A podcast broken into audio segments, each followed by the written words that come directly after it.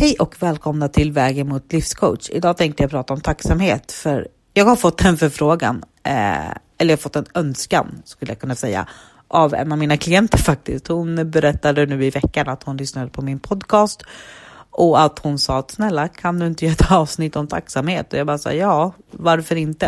Eh, det är ändå någonting jag gör själv och det är någonting jag pratar med både vänner om och mina klienter då att göra en tacksamhetslista. Att prata om vad man är tacksam för. Och då menar inte jag bara de här stora grejerna som är väldigt betydelsefulla såklart. Alltså jobb, boende, familj, vänner. Det är inte självklart för alla, men det är ändå någonting man tänker på direkt när man pratar om tacksamhet. Men när jag pratar om tacksamhet så pratar jag också om de små sakerna. De här men, grejerna som man kanske inte tänker på att man ska vara tacksam för. Som att du har en fungerande kropp till exempel. Du har två ben du kan gå med. Du har ett fungerande hjärta. Eh, du har en bra syn.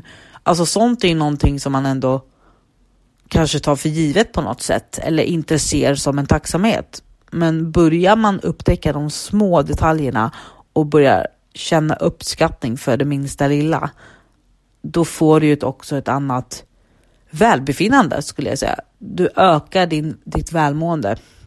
Och det är så jag gör själv. Det är så jag jobbar själv när jag skriver tacksamhetslista. Jag skriver inte de stora grejerna utan jag försöker komma på de små sakerna som ändå är som ändå bara kommer liksom. Så man tänker att ah, men det här är väl normalt. Det här är väl, alltså, det är väl inget att vara tacksam för tänkte jag säga. Men det är just det du ska vara. Som till exempel en bra sömn.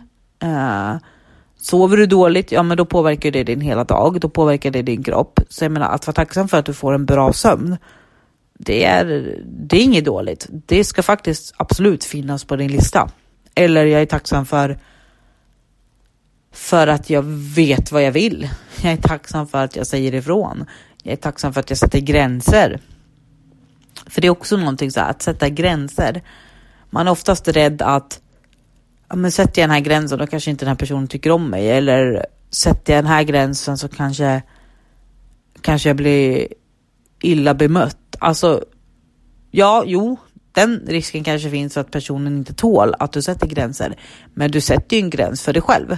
Så om du då är tacksam för att du är en person som står upp för dig själv och sätter ner foten så bygger du också upp dig själv och det är det här jag pratar med mina klienter när de eh, har ett, ett obalanserat mående och de inte riktigt vet vad de har. Eller de ser, alltså mår du dåligt så kanske du inte allt ser, ser allting positivt. Du ser inte det positiva i ditt liv.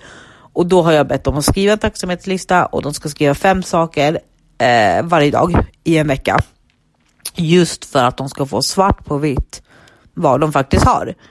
Det kan vara att de ska vara tacksamma för att de har en kreativ ådra. När de mår bra så är de kreativa. Det är någonting man ska vara jättetacksam för. Eller du ska vara tacksam för att du har en natt som du sover åtta timmar ostört. Du ska vara tacksam för att du kan sitta i lugn och ro hemma och dricka en kopp kaffe. Du ska vara tacksam för att du har den här vännen som ringer och kollar hur du mår varje dag oavsett om du svarar eller inte att vara tacksam för någon som bryr sig är också någonting vi inte ska ta för givet, men som vi ska uppskatta och vi ska visa den uppskattningen. Så att du ska göra allting för dig själv, men när du väl listar ner de här sakerna, de här små sakerna, så får du också faktiskt en bild av vad du har och vad som faktiskt finns i ditt liv. Och då blir det ju också lättare att tänka att men fan, jag har ju det här. Eller shit, jag kan ju göra det här. Vad bra. Va, alltså det blir som en motivation till dig själv. En drivkraft som tar dig igenom eh, men en mörk situation eller eh, en tuff tid. Det kanske inte hjälper dig helt. Du kanske måste ta till andra hjälpmedel eller prata med någon så. Men det kan vara en bra start du kan faktiskt känna eller uppleva en förändring i ditt eget tänk, i ditt eget välmående. Så fort du har satt dig ner och börjat lista upp saker som du faktiskt har. För då blir det ju också att du man börjar tänka mer. Okej, okay, vad har jag mer av? Vad, alltså man börjar liksom söka och ransaka sig själv skulle jag säga. Jag gör det. När jag skriver tacksamhetslista så börjar jag oftast med de stora grejerna. Eh, såklart, såklart tänkte jag säga. Men för att utmana mig själv så, så tar jag också de små sakerna som jag sa. Och det kan, alltså det är inte alltid lätt.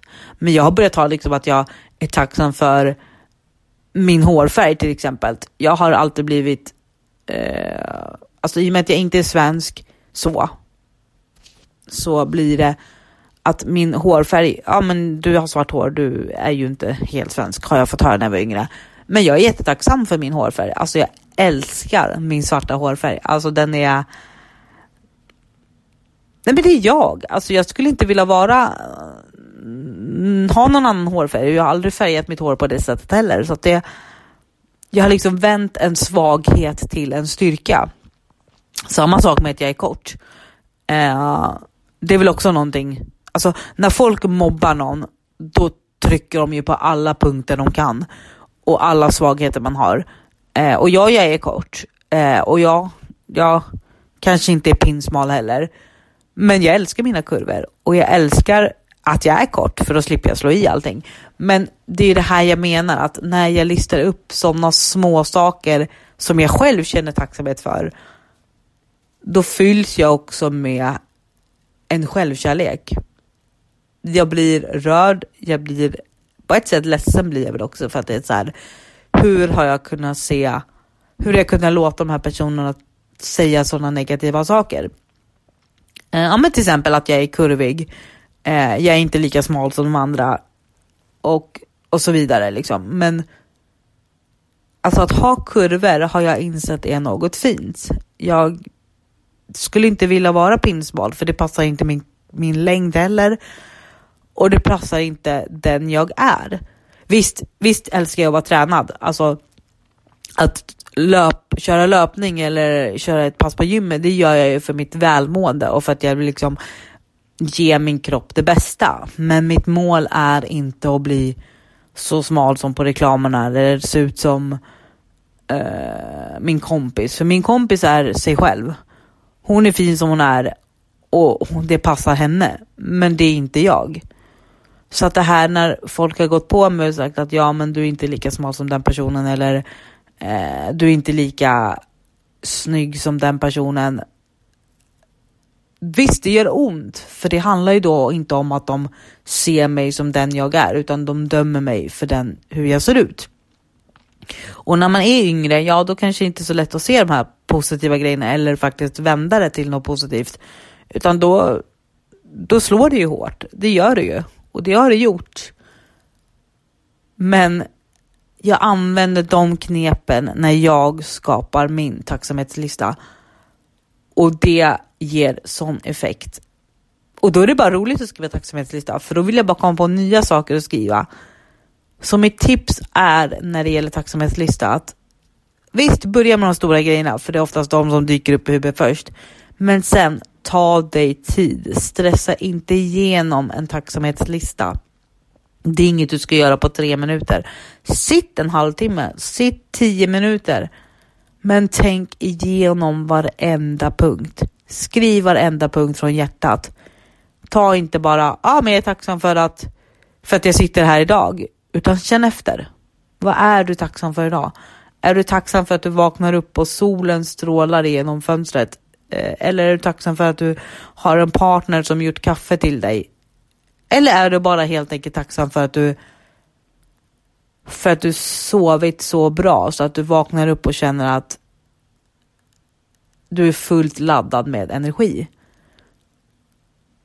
Vad som helst som får dig att må bra och som du kan se positivt.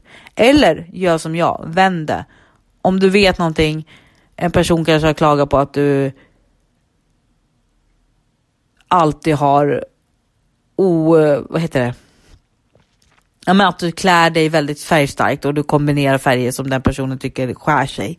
Ja, men då kanske den personen tycker det. Men du själv, var tacksam för att du är kreativ. Var tacksam för att du för att du har fantasi och vill skapa din egen stil. För det är det det handlar om. Kombinerar du två olika färger som, som du tycker blir coola tillsammans och nej, de, ja, de kanske inte alltid smälter in tillsammans på samma sätt som andra ser det. Men det är din stil. Då har ju du förmågan att skapa något själv. Så var tacksam för det.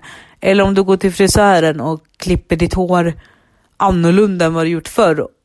Då är det också ett sätt för dig att skapa och använda din fantasi. Så var tacksam för dina udda grejer skulle jag säga. Det folk påpekar som de tycker är ja, men lite konstigt, inom situationstecken fel i deras ögon. Uppskatta det. Skriv det som en tacksamhetsgrej. Ja men visst, jag har, jag har också väldigt mycket fantasi, det vet jag att jag har.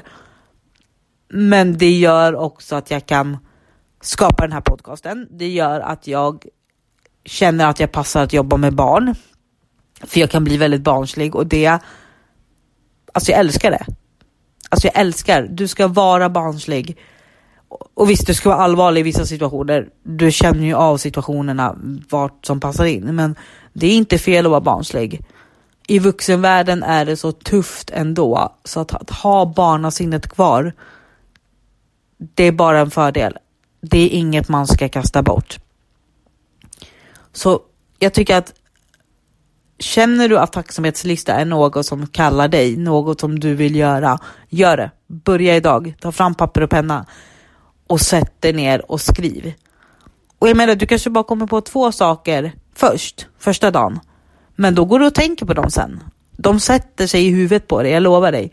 Och sen blir det så här, men vänta, det här dyker upp och det här och det här. Så till slut kanske du gör en lista på fem saker varje dag. Och du behöver inte bara göra det en gång om dagen. Ibland får man feeling och gör det två gånger om dagen. Det har jag gjort. Jag har gjort det en gång på morgonen, en gång på kvällen.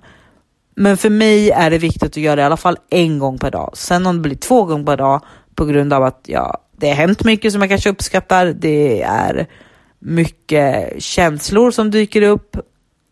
Och att skriva underlättar ju. När du skriver så blir det som att du rensar hjärnan.